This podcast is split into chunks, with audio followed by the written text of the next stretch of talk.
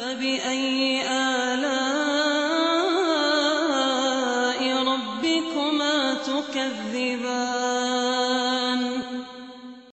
seperti apa yang bisa mendapat udur untuk tidak pergi sholat berjamaah? Hujan deras, hujan gerimis, atau semua jenis hujan?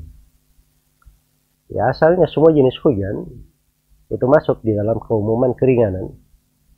Ya, hanya saja diberi ukuran yang lebih Eh, mendekati apabila hujan tersebut sifatnya menghambat dia untuk ke masjid.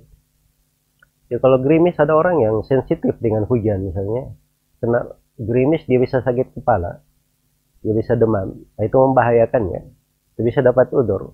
Tapi kalau seorang misalnya hujan gerimis itu biasa, dia ke masjid tidak menghalangi, maka ini asalnya dia tetap ke masjid. Semoga Allah Subhanahu wa taala memberi taufik kepada semuanya.